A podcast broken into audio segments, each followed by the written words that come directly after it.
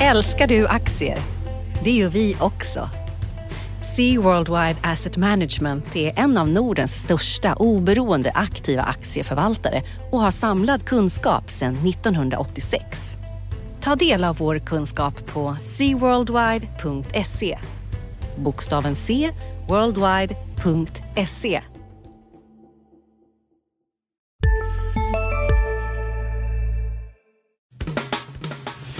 Analyspodden från Dagens Industri. Hej och eh, välkomna till Dagens Industris analyspodd. Podden där vi går igenom de viktigaste händelserna på finansmarknaden under veckan som varit och veckan som kommer. Och idag så är det jag, Johanna Jansson, som håller i spakarna här i DIs poddstudio. Och med mig på länk så har jag Rickard Bråse, vår man på den blåsiga västkusten. Rickard, vad tycker du vi ska prata om idag? Ja, för det första väldigt trevligt att vi får podda ihop igen. Jag tror att det är, det är flera år sedan, sedan vi gjorde det senast så det ska bli väldigt roligt att få göra det med dig. Då, då hoppas jag att vi kan passa på att prata lite mer om makrodata kanske som, ja, som, det... som, som, du är väldigt duktig på. Eh, och sen eh, bolagsmässigt så, så, skulle jag väl säga att där har det varit två saker som har stuckit ut i veckan. Dels så hade vi ju då en väldigt kraftig reaktion i H&M i början på veckan när de kom med försäljningssiffror och sen så är det väl svårt att klara sig undan och säga någonting om Danske Bank också som ju är en H&M har ju varit en genomklappning av ett storbolag på sitt sätt. Danske Bank är det på ett helt annat sätt men det är liksom två stora bolag som har fått problem på, på, på sina fronter och det får vi väl kanske prata om tycker jag. Jag tycker det här låter superintressant. Vi kan koppla både börs och makro till båda de här sakerna. Både H&M och faktiskt kanske också lite till Danske Bank som på något sätt ändå drabbas av det här nu som en del banker drabbades av efter finanskrisen. Eh, men jag tycker, ska vi börja med att prata om... Jag eh, lyssnade på radion i morse och hörde att det blåser snålt över hela Sverige nu och att man varnar för stormbyar här på västkusten. Är det så att det blåser snålt även över konjunkturen, Rickard? Är du konjunkturdeppig? Jag skulle säga så att, att alltså liksom, jag har ju någon form av negativ grundtilt i hela min tillvaro. och har man det idag så finns det eh, i den här makro gott och blandat påsen, då finns det saker som sticker ut negativt som man kan ta fasta på. Vi hade, vi hade Euro-PMI som kom idag där inköpscheferna för tillväxtindustrin var Eh, mindre positiva än tidigare. Eh, jag skulle säga att i grund och botten så verkar det lite som att Europa deppar lite mer än USA. Eh, det tror jag de flesta kan vara överens om. Och sen är väl frågan liksom hur, hur starkt USA går. För där har du också då liksom, eh, siffror som, som, som pekar i lite olika riktning. Med, med, med, Men egentligen kan man väl ändå, alltså Europa deppar Lite kanske, men det är ändå relativt starka siffror. Det är fortfarande de här inköpschefsindexarna är fortfarande över den här 50-nivån och i USA där är de väl ändå ganska glada, happy. Det är nya börsrekord varje dag och sådär. Ska man inte tro på dem eller? Ja, men som, som ISM-index i USA, liksom på jätte, långt över, gott och väl över 60. Samtidigt har du då Markets eh, industriprimi som inte alls är på lika höga nivåer. Så att, så att det, det, finns något form av gap där också och sen ska man vara, liksom anta den här permabjörnsrollen så är det väl bara att säga att det, i grund och botten så blir det någon form av kontraindikator liksom att köpa när du har eh, makrodata på rekordnivåer. Då, eh, då är man för sent ute? Nej, men då, absolut, då är du definitivt för sent ute. Ja, men för jag tror att det, om man ska försöka sammanfatta det här med att, det är spretigt precis som du säger och i veckan så kom en av de här stora prognosinstituten, OECD, alltså en, den här klubben för de rikare, mer utvecklade ekonomierna. Och de sänkte faktiskt sina tillväxtprognoser i veckan. Så man, här kan man ju verkligen välja om man vill se glaset halvfullt eller halvtomt. De sänkte sina tillväxtprognoser och det kan ju låta deppigt och de pratar om större nedåtrisker än tidigare. Vi har allt det här bråket med handelskrig. Vi har eh, liksom skakningar på vissa tillväxtmarknader så att, som, som då ger större nedåtrisker än tidigare. Samtidigt så är det fortfarande bra tillväxt. Alltså de har ändå en prognos om att världsekonomin som helhet ska växa med 3,7-3,8 procent och det är ändå hyfsat högt. Och eh, det är samma sak med de här inköpschefsindexerna som du, som du nämner. De ligger över 50 nivå. De, är liksom, de flesta bolag pratar optimistiskt om framtiden och i USA är företagsförtroendet på rekordnivåer. Ehm, så att, eh, men samtidigt så är det liksom, man ser den här vändningen, första vändningen neråt från de här höga nivåerna. Så det beror ju lite på hur man är lagd. Och är man då som både du och jag, jag brukar också vara deppig och varna för risker och så där. Så är det ju när man håller på med makroekonomi. Ja, men då är det lätt att se de här orosmolnen. Men är det här någonting du tror att vi kommer få se i rapport snart? Om en knapp månad så drar ju rapportsäsongen igång för tredje kvartalet. Är det någonting som bolagen kommer ta fasta på tror du? Nej, men jag tror att det kommer vara lite som det har... Alltså jag tror att det kommer fortsätta som det har varit. Att det kommer vara fortsatt starka rapporterade siffror. Det är svårt att tänka sig någonting annat så som det ser ut här och nu, men det är ju som sagt då historia. Däremot så tror jag att börsen kan fortsätta att ha den här försiktiga attityden man har haft emot verkstad, eller för verkstadsbolagen. Att, att, att starka siffror har liksom inte höjt aktierna till skyarna utan man har varit försiktigt avvaktande med, med, med det mesta. Jag skrev i veckan om, om SKF som ju hela det här året egentligen har haft lite av ett tema med deras de byggde upp eh, ett väldigt stort lager i första kvartalet som de sen då har fått brottas med och går man liksom, brottar man in sig lite mer i de här siffrorna för lagerutvecklingen för SKF när de har byggt upp lager historiskt till toppnivåer och ska ta ner dem. Då brukar det liksom sammanfalla med att marginalen pressas och sen så kommer eh, organiska eh, tillväxttappet som ett brev på posten också. Så jag tror att Q3 kommer att vara fortsatt bra men den stora frågan är ju liksom vad händer 2019 och 2020? Men så är det ju. Och det, det är väl också så här, när man tänker relationen makrobörs så är ju makroekonomin ska ju för, alltså man ska, det är ju svårt att göra prognoser, det vet vi, och särskilt om framtiden. Eh, så det, men det är ändå det man ska försöka hålla på med när man tittar på de här långa makrotrenderna. Och då är man ju inne och petar i så här, vad händer om ett år, vad händer om två år? Och det är väl någonstans där 2019, 2020 som man ser den här riktigt som man ser tecken på att ekonomin med början i USA faktiskt vänder ner. Men det är ingenting som ska påverka börsen riktigt än. Men det, det här makrokortet ska man väl ha i bakfickan och då ta fram och säga så här, just det, vi pratade ju faktiskt om de här riskerna eh, för ett till två år sedan. Och liksom, när de börjar närma sig då kan man titta på vad det var som stökade då. Och då är det just en, ja, men en, när USA inte längre gynnas av, eh, eller efterfrågan där inte längre gynnas av de här skattesänkningarna som man ser som Donald Trump har genomfört i år, ja, men då, då tappar den ekonomin lite fart. Vi har Kina som då har lånat lite för mycket och där man också försöker bromsa liksom kredittillväxten till vissa delar. Och sen så har vi lite politiskt stök som då påverkar på längre sikt. Så, så tänker jag i alla fall. Och sen på det då, så, men det är också kanske en oro just nu, jag vet inte hur du ser på det, men det här med långräntorna och att de eh, sticker iväg. I veckan så hade vi USAs tioårsränta som har lagt sig precis över 3 procent. Hur jobbigt är det?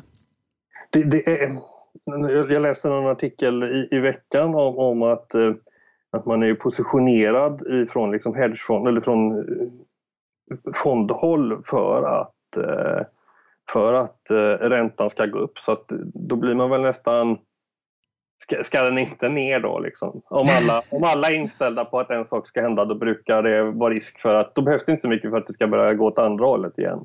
Nej, så kan det ju vara. Det, och sen, så jagar, sen jagar ju korträntan liksom på alltså den det är ju rimligt att långräntorna stiger. Alltså Fed är ändå på G för höjning, eller har höjt. De har höjt sju gånger sedan de började 2015. Eh, så att, eh, då ska ju långräntorna fortsätta upp eh, i takt med de korträntehöjningarna. Gör, man in, gör de inte det så får man det här som man pratar om, en inverterad avkastningskurva. Och det är också ett, skulle ju vara ett dåligt konjunkturtecken då, att man faktiskt förväntar sig lägre räntor längre fram än vad vi har idag. Så att egentligen så är det ju, jag menar, på ett sätt kan det ju vara en bra konjunktursignal att långräntorna fortsätter. Det är bara frågan om varför de, varför de stiger. Om det är för att man tror på en bra ekonomi eller om det är någonting annat. Men det är många som oroar sig ändå och säger att ah, en tioårsränta i USA på över 3% det blir problem. Så var det ju inte när, det, det hände ju tidigare i våras eh, att den faktiskt gick över 3% Nu, är den precis däröver, nu kom den precis däröver igen i veckan. Men du låter inte så orolig för det just det då, eller? Alltså det, man, jag är orolig för allt. För den, stora, den stora snackisen eh, på senare tid har väl ändå varit liksom det här tillpressade läget som är mellan, om man tittar på tvåårsräntan och tioårsräntan i USA, att den är ju nere på lägsta nivåerna på, jag vet inte, ett decennium eller något liknande. Så när vi börjar komma in på något territorium där, där, fler och fler börjar oroa sig för att det ska invertera. Och det där har ju alltid i princip följts av, av, av, eh, av eh, liksom lågkonjunktur. Så ja, lurigt. Precis, det är så, dels det här med inköpschefsindex när de då vänder ner, alltså när de eh, fortfarande är höga men vänder ner och sen så en, en eh, avkastningskurva där långa räntor är, kortare, eller är lägre då än de korta räntorna har varit sådana recessionstecken. Men då ska man veta också att när avkastningskurvan när det är en bra indikator, då är det oftast när, alltså innan krisen 2007, då låg den inverterad under en lång period. Så det var inte bara så att bara för att den går ner och blir liksom inverterad, det är inte då allting kommer gå åt skogen utan det är helt enkelt för att räntemarknaden ser sämre tider framför sig som man, som man gör så här. Och som sagt innan krisen 2007 så, så var den det under en lång period. Och så har det nog varit om man drar ut den där och tittar över, över många, många decennier så är det väl alltid så att att liksom den ligger inverterad under en lång period och sen så smäller det till. Liksom, det är inte mm. så att det är någonting som händer veckan efter utan det brukar ta något år eller så. Nej men precis, det, det går eh, tråkigt långsamt när det gäller makro. helt enkelt. Det är roligare på börsen, där händer det grejer. Eh, och eh, det händer ju grejer också. Eh, Danske Bank, vad har du att säga om, om det som har hänt där? Ja, Hållbarhet brukar ju vara ett eh, sånt här tema som många eh, vill prata om. Ehm, och då brukar det ofta koka ner till så här utsläpp eller jämställdhet eller saker som är ganska lätta att eh, kvantifiera och räkna på. Det här är ju en bank som har ägnat sig åt någonting som inte har varit jättehållbart, nämligen tvättat pengar åt skumraskfigurer och då inte gjort det i någon liten skala utan gjort det ganska storskaligt. Alltså jag skulle kunna offra min ena hand för att få avslöja den där penningtvättshistorien i Danske Bank. För att det är ju verkligen en, en, liksom, eh, en intressant eh, händelse och, och, den har ju verkligen magnitud också eftersom aktien har ju fullständigt klappat igenom. Den stora frågan nu som alla ställer sig är ju vad, hur kommer USA reagera? Eh, Därför de är mycket strängare, alltså deras, eh, deras lagliga fingrar eller lagets fingrar sträcker sig väldigt långt och de kan verkligen smälla till, eller hur? Absolut, för mm. att är affärer gjorda i dollar så anser sig USA ha rätt att avgöra vad som är rätt och riktigt. Eh, I det här fallet så är det inte bara att de har ägnat sig åt skumrask utan det verkar även vara, så att de har gjort det med personer inblandade som kanske inte står högst upp på, på liksom, eh, eh, gilla-listan i USA utan tvärtom. Är liksom, det, kan ju, det kan ju vara terroristkopplingar och allt möjligt som är här. Så att den här boten, jag tror inte att det är en fråga om det blir en bot eller inte utan den här boten, den kommer att bli mycket, mycket stor. Gissar jag, för att jag är ju ingen jurist och det är väldigt svårt att avgöra men frågan är inte bot eller inte utan frågan tror jag är hur stor den kommer att bli. blir. Ja. Nu, nu, säger ju Danske själva, om jag har de senaste uttalandena här, att det, de kommer klara det här utan att behöva eh, ta in mer pengar och sådär. Men eh, Går det, går det att säga någonting om det? Jag tror att eh, jag skulle inte vara lika säker på det. Nej. Och vi skrev också, eller vår kollega Agneta Jönsson skrev, konstaterade ju då i veckan att ja, men det här, risken för de här stora böterna är liksom, ligger verkligen som en blöt filt över, över Danskes aktiekurs. Som du sa själv, aktien har klappat igenom. Men det gör också att den handlas till en väldigt stor rabatt. Eh, men det är inte dags för något bottenfiske här. Så låter det inte på dig i alla fall. Nej, alltså elände går så ofta hand i hand med elände. Det är en sak som man bittert har fått lära sig. Jag tycker att vi är tillbaka till samma situation som var i Telia om man backar hur många år det nu är, tre, fyra år när det dök upp. När, deras problem med, med eh, i Eurasien där de då hade mutat olika eh, diktaturkopplade personer och släktingar det där slutar ju med en jättebot för deras del men i början var det ju ingen som trodde, alltså man tog väldigt väldigt lätt på det initialt och sen så tar det liksom mycket mycket längre tid att lösa problemet och det tar mycket mycket längre tid innan liksom boten kommer så att den där våta filten är ju någonting som de först nu i år egentligen har liksom kastat av sig och blivit Alltså aktiecaset i, i, i Telia, det är ju ingen som pratar om Uzbekistan längre liksom, men Nej. det tog ganska lång tid innan den frågan var borta och avklarad. Och jag utlovade att det här på något sätt ändå kunde hänga ihop med lite makro. Och vad jag menade då var att eh, det här med sanktioner från amerikanskt håll när det har drabbat andra banker, det som man kan jämföra då Danske Bank-historien med, det är ju eh, just sånt. Deutsche Bank fick ju böta nästan 60, eller ja, runt 65 miljarder kronor efter att de hade gjort affärer med bostadsobligationer inför finanskrisen som då de fick på fingrarna för här. Och BNP Paribas samma sak. Eh, men då handlar det om att ha försökt manipulera swapräntan. Så att, eh, och efter finanskrisen... Har du också valt att bli egen? Då är det viktigt att skaffa en bra företagsförsäkring. Hos oss är alla småföretag stora och inga frågor för små. Swedeas företagsförsäkring är anpassad för mindre företag och täcker även sånt som din hemförsäkring inte täcker. Gå in på swedea.se företag och jämför själv. Sista dagarna nu på vårens stora season sale. Passa på att göra sommarfint hemma, både inne och ute och fynda till fantastiska priser. Måndagen den 6 maj avslutar vi med Kvällsöppet i 21. Välkommen till Mio. Sen så har man ju ett sätt Alltså en del i det här har ju varit ökade regleringar och också ett försök att liksom sätta dit de som inte har Eh, skött sig moraliskt eh, i finanssvängen. Och, eh, men en annan grej är också att man har höjt kraven på kapital. Så det är ju det här som det ska ställas i relation till hos Danske då, att man åker på böter samtidigt så måste man hålla en, har man högre kapitalkrav på sig än vad man hade för ett decennium sen. Just för att stå rustade inför, alltså inte liksom utgöra finansiella risker och sådär. Så att, det är väl det som man får tänka på. Får de då dryga böter från USA, ja men då kanske då är det kanske inte så säkert, precis som du säger, att de klarar sig utan att ta in nytt kapital.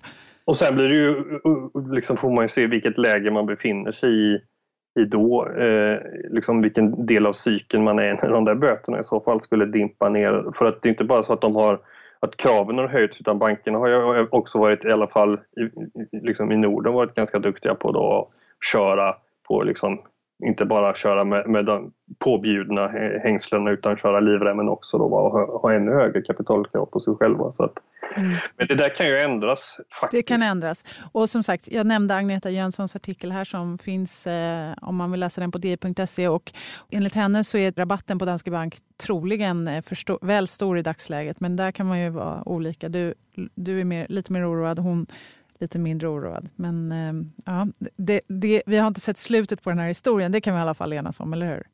Det kan vi nog säga. Ja.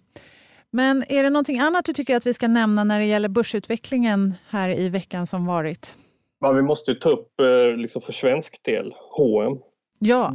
Aktien hade sin näst bästa dag under 2000-talet på en försäljningssiffra som var 2 procentenheter bättre än väntat liksom för ett kvartal. Då. Så då, då pratar vi om eh, stora eh, svängningar i börskurs på ganska, i alla fall som tidigare då, har varit ganska små avvikelser från, från prognoser och som är det på ett kvartal. Men det säger väl kanske då mer om läget i aktien att alla har ju vänt H&M ryggen i princip. De har, det, är ju, det är ju familjen Persson som ligger och köper aktier men sen är det ju inte så många andra som gör det utan de flesta är på andra sidan eh, vill sälja eller blankar aktien. Den är, om man tittar i, i liksom i pengar räknat så, så, är det ju ett av de mest blankade bolagen i, på Stockholmsbörsen.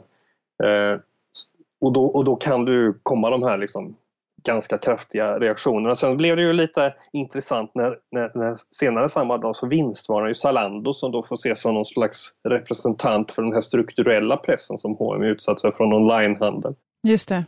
Där de vinstvarnade och hade sin sämsta börsdag dagen efter sen de börsnoterades för fyra år sedan. Så var det som att det gamla vann mot det nya då eller? Det gamla vann mot det nya men frågan är väl då har den strukturella pressen som finns eller skiftet där mellan från butik, från, från murbruk och tegelsten till eh, onlinehandel, har den nått vägs ända. Jag tror ju inte riktigt det. Utan Däremot så är det väl en typ av gammaldagsa problem som drabbade Zalando, det vill säga något så okomplicerat som väder och vind och eh, ja, folks sug efter att faktiskt gå in och handla kläder, vare sig, vare sig det är via mobilen, datorn eller i en fysisk affär. Ja, först var ju sommaren extremt varm och sen så verkar ju då jag, jag tror att några vinstvarna så var det 28 grader i Berlin så att den där höstsäsongen har väl inte riktigt kommit igång heller för dem. Um, sen så blir jag alltid lite så här konfundersam när, när man börjar prata om uh, väder uh, i, i bolagssammanhang. Jag tycker att det är lite... Ja. Man vet aldrig vad, om det finns någonting mer. Eh, liksom, alltså de skyller på det menar du? Skyller på väder och så, är det, och så sen så visar det sig att nej, men det var Alltså, vädret har ju varit då, var ju dåligt för H&M i flera år innan liksom de själva började till och med att inse att ah, men det kanske finns problem som vi måste ta itu med. Och, eh, det kanske finns då strukturella frågetecken som, är, som inte, alltså det är kanske inte bara är väder utan det är kanske vi som faktiskt gör något fel också. Det är nya vindar också som blåser. ja. Nej, men, så är det Men tittar man på detaljhandelssiffror, alltså makrostatistiken och detaljhandeln bara för Sverige, nu är det en väldigt liten del av H&M's eh, totala marknad, eh, men, men så, så syns det även det här ja, vädereffekterna då. Det var en tuff sommar. Eh, det var tufft att locka in kunderna från sommarvärmen. Juni och juli var överraskande svaga och förmodligen lär augusti fortsätta vara svagt. Eh, samtidigt som då dagligvaruhandeln fick brottas med grillförbud och annat. Sånt som annars brukar gynna. Man går och köper engångsgrillar och, och dyrt kött och sådär snarare än eh, billigare mat. Eh, och sen så har vi bilförsäljningen då som har störts av regeländringar kring miljö, miljöbilar och sånt där. Så att det är lite skakigt just makrodata på det här. Men, men precis som du säger så tror jag ändå så här, det, det stora tänket kring det här det är just här, kampen mellan e-handel och fysisk handel. Och jag vet inte, det har ju varit helt rätt att tro på eh, Zalando och Kinnevik. Men vad tror du Rickard, vilka kommer stå, om du bara får chansa här nu, vilka kommer stå som vinnarna när det här stora detaljhandelsslaget är över. Det är inte säkert att det är de här uppstickarna. Jag menar, om man är någorlunda kapitalstark och gammal i gamet och har egen produktion, borde man inte kunna gynnas av det på längre sikt när fler kunder kan köpa direkt av tillverkare och sådär? Till att börja med så tror jag att de som är vinnare i liksom i, liksom, i någorlunda kort perspektiv är väl konsumenterna eh, fortsatt skulle jag tro. Jag skrev för några veckor sedan, en, hade jag veckans aktie på ett svenskt onlineföretag som heter Boost och kom väl den fram till att det är lättare att se vilka förlorarna är än att hitta några solklara vinnare också på det, på det här och det är kanske är naturligt i, i blodbadssituationer att det är, det är lättast att se vem som kanske förblöder först än att se vem det är som, som vinner. Eh, Zalando, blir de tillräckligt, kommer de vara tillräckligt stora eller, eller går vi mot en situation där liksom allting kommer vara Amazon tar över allting och som någon form av global monopolist? Eh, jag tror att du måste ha du måste ha skala på eh, i onlinehandel. Det, det är ju ganska tydligt att det är ännu viktigare än, än vad det har varit eh, liksom i gammal traditionell handel. Så Ja, jag tycker Zalando ser... Nu har ju den fortsatt ner och går ju väldigt trögt. Jag tror att... Ska man kasta sig in i den då igen eller vad säger du? Eh, jag tror att det är väl... Eh, kan vara intressant att titta på den. Ja.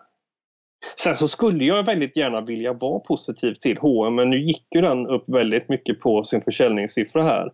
Tittar man inför nästa vecka här när rapporten kommer på torsdag så så är rörelseresultatsförväntningarna de är väldigt, väldigt låga. Man förvänt, jämförelsetalen borde egentligen vara ganska lätta för förra året så körde man sönder bruttomarginalen i, i det tredje kvartalet. Nu förväntar sig analytikerna fortsatt liksom monstruös press på ytterligare och vilket då i kombination med starkt stigande kostnader kommer resultera i att man gör det sämsta rörelseresultatet sedan 2007 i en Q3 det, det, borde finnas utrymme för dem att, att kunna slå de där siffrorna. Men frågan är då hur mycket måste de slå dem i det här läget när aktien har gått upp så mycket? Och är det bara det att man ska sluta vara superpessimist? Det är inte dags att bli optimist? Eller det är också Nej. en skillnad? Nej, det, det, känns ju fruktansvärt fantasilöst. Det var väldigt roligt att skriva om H&M för ett och ett halvt år sedan. Men det, är inte, det känns inte liksom sitta och älta samma gamla frågeställningar när alla andra också gör det. Det känns inte riktigt lika spännande längre måste jag säga. Men du som är en permabjörn då, en pessimistisk eh, person eh, som du började med här. Vad, vad skulle, är det Zalando du ändå skulle kunna tänka dig att köpa på börsen nu eller finns det andra köptips du har i rockärmen? I eh, klädbranschen menar du? Ja, ja, i klädbranschen absolut. Men är det någonting du är överlag här som du är sugen på? Zalando tror jag är intressant. Sen får man väl är man svensk småsparare så får man väl kanske då titta via, eh, det går ju att köpa Zalando via Kinnevik helt enkelt. Mm, det var lite olustigt där att den största ägaren har sålt lite, lite grann eh, aktier så att det är aldrig, aldrig roligt när det händer men eh, den möjligheten finns. Jag, jag har skrivit det flera gånger att, att Stockholmsbörsens bästa modeföretag är ett investmentbolag. Då med, med hänvisning till, till, till att det går att köpa ja. Zalando med mm. rabatt via Kinnevik.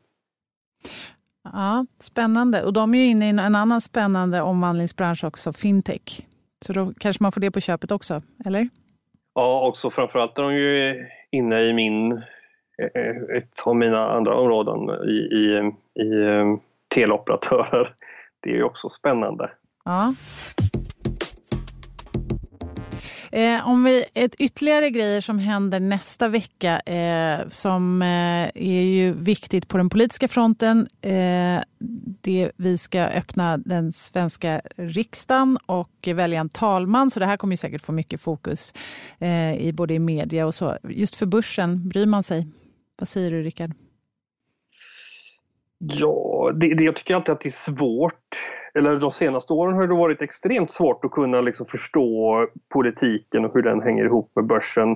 Eh, om det finns någon politisk volatilitet så har väl den varit liksom på rekordnivåer eh, från, åtminstone från Brexit och framåt och ändå har ju börserna gått bra. Så att, eh, när det brukar påverka så brukar det påverka räntor och valutor mer. Vi ser ju att eh, italienska räntor har stuckit på grund av politisk osäkerhet där. Vi såg att kronan gick lite svagt innan valet. Så det kan påverka. Men sen är det som vi sa inledningsvis att makro påverkar på längre sikt och inte någonting som liksom stör från dag till dag. Sen kan det ju såklart, jag menar nu har vi Eh, röstat fram en majoritet i riksdagen som inte är för vinstförbud i välfärdssektorn till exempel. Jag menar, hade det blivit annorlunda där hade det ju kunnat påverka börsen direkt. Men, men som det är nu så är det mer bara en irriterande sten i en sko ungefär. Den kanske ger skoskav här längre fram men det är ingenting som, som liksom gör att börsen snubblar från en dag till en annan. Absolut. Alltså, I grund och botten så kan man väl säga att Sverige har ju väldigt starka institutioner. Om man ska liksom, det är svårt att komma in som politiker även om man vill tror jag krascha allting direkt. Ja, och det är en väldigt viktig poäng. För att oavsett vad som händer då här i veckan, eh, oavsett eh, hur det går med talmansomröstningen, oavsett eh, vem... Stefan Löfven kommer ju fälla sitt misstroendevotum och sen kommer den, som, den talman som utses att be någon annan, förmodligen eh, Ulf Kristersson och Moderaterna, att bilda regering och sen får vi se hur det går vidare efter det. Han har, den här talmannen har fyra försök på sig att, eh, att få en kandidat som kan bilda en regering. Men oavsett om det blir en regering innan jul eller inte, eller om det tar längre tid, ja, men så kommer det fortfarande läggas fram en budget. Och eh, Det blir i sånt fall antingen då en ny regering som gör det eller en expeditionsministär som då eh, kan som är då den regering som sitter eller någon annan tjänstemän som lägger fram en ny budget. Så det är ett väldigt starkt ekonomiskt politiskt ramverk som gör att man inte behöver oroa sig. Landet kommer funka ändå. Eh, och eh, blir det ingen budget alls, men då fortsätter man med den gamla. Så att där finns ingen osäkerhet och det gör ju att det här, det här spelar mindre roll just för börsen från dag till annan. Även om det såklart kan påverka hur vi ser på ekonomin i stort som svenska konsumenter och så. Men eh, vad händer mer i veckan? Är det någonting mer på börsen du tycker man ska nämna? Jag kommer ju att eh, se fram emot H&M's eh, rapport. Det kanske redan har framgått. Men... på, tor på torsdag är den, eller hur? Mm. I övrigt så vet jag faktiskt inte om det är några sådana här supertunga... Dagen innan H&M's rapport är det Fed-möte. Då väntas Fed höja för åttonde gången här sedan 2015. Är det någonting, det är väl ändå hyfsat viktigt? Eller vad säger du, även för börsen? Eh, jo, det är det ju. Men nu börjar man ju komma en bit in i den här räntehöjar... Eller ganska lång bit in i den här räntehöjarfasen. Eh, det kan man nog ta och titta på presskonferensen på, mm. på TV på Ja, det blir spännande. Vi, eh, jag skrev i eh, fredagens Dagens Industri om att det är jag menar, Fed leder ju racet här, men även andra centralbanker är ju på G mot högre räntor. Så är det. Och så även den svenska Riksbanken. Det blir också lättare för dem att faktiskt höja när andra gör samma sak. I veckan här så höjde Norges bank, vår granncentralbank, då, till eh, räntan för första gången på sju år eh, till 0,75. det är fortfarande lågt, men det är ändå liksom ett steg åt det hållet. Och eh, även i Storbritannien och Kanada och så, där, så är man på gång mot lite högre räntor. Så att eh, gradvis kommer det bli dyrare att låna. Så är det. Så är det. Räknar vi det från två, två pessimister här på, på Analyspodden. Ja. Men ska vi, kan vi säga någonting, eh, kan vi avsluta med någonting positivt i alla fall här? Eh, att det, det är fredag. Det är fredag ja. Det är fredag. Ja. Vi kan önska alla en trevlig helg till Ja, exempel. det tycker jag. Det är det är ju en trevlig eh, gest. Det är en trevlig grej. Ja, så gör vi. Trevlig helg och tack för att ni har lyssnat. Och eh, om ni eh, inte kan klara er utan Analyspodden en vecka till så kan man också lyssna på DIs andra poddar. Eh, Digitalpodden och eh, Makrorådet samt Förnuft och känsla. Tack ska ni ha. Analyspodden från Dagens Industri. Programmet redigerades av Umami Produktion. Ansvarig utgivare Peter Fellman.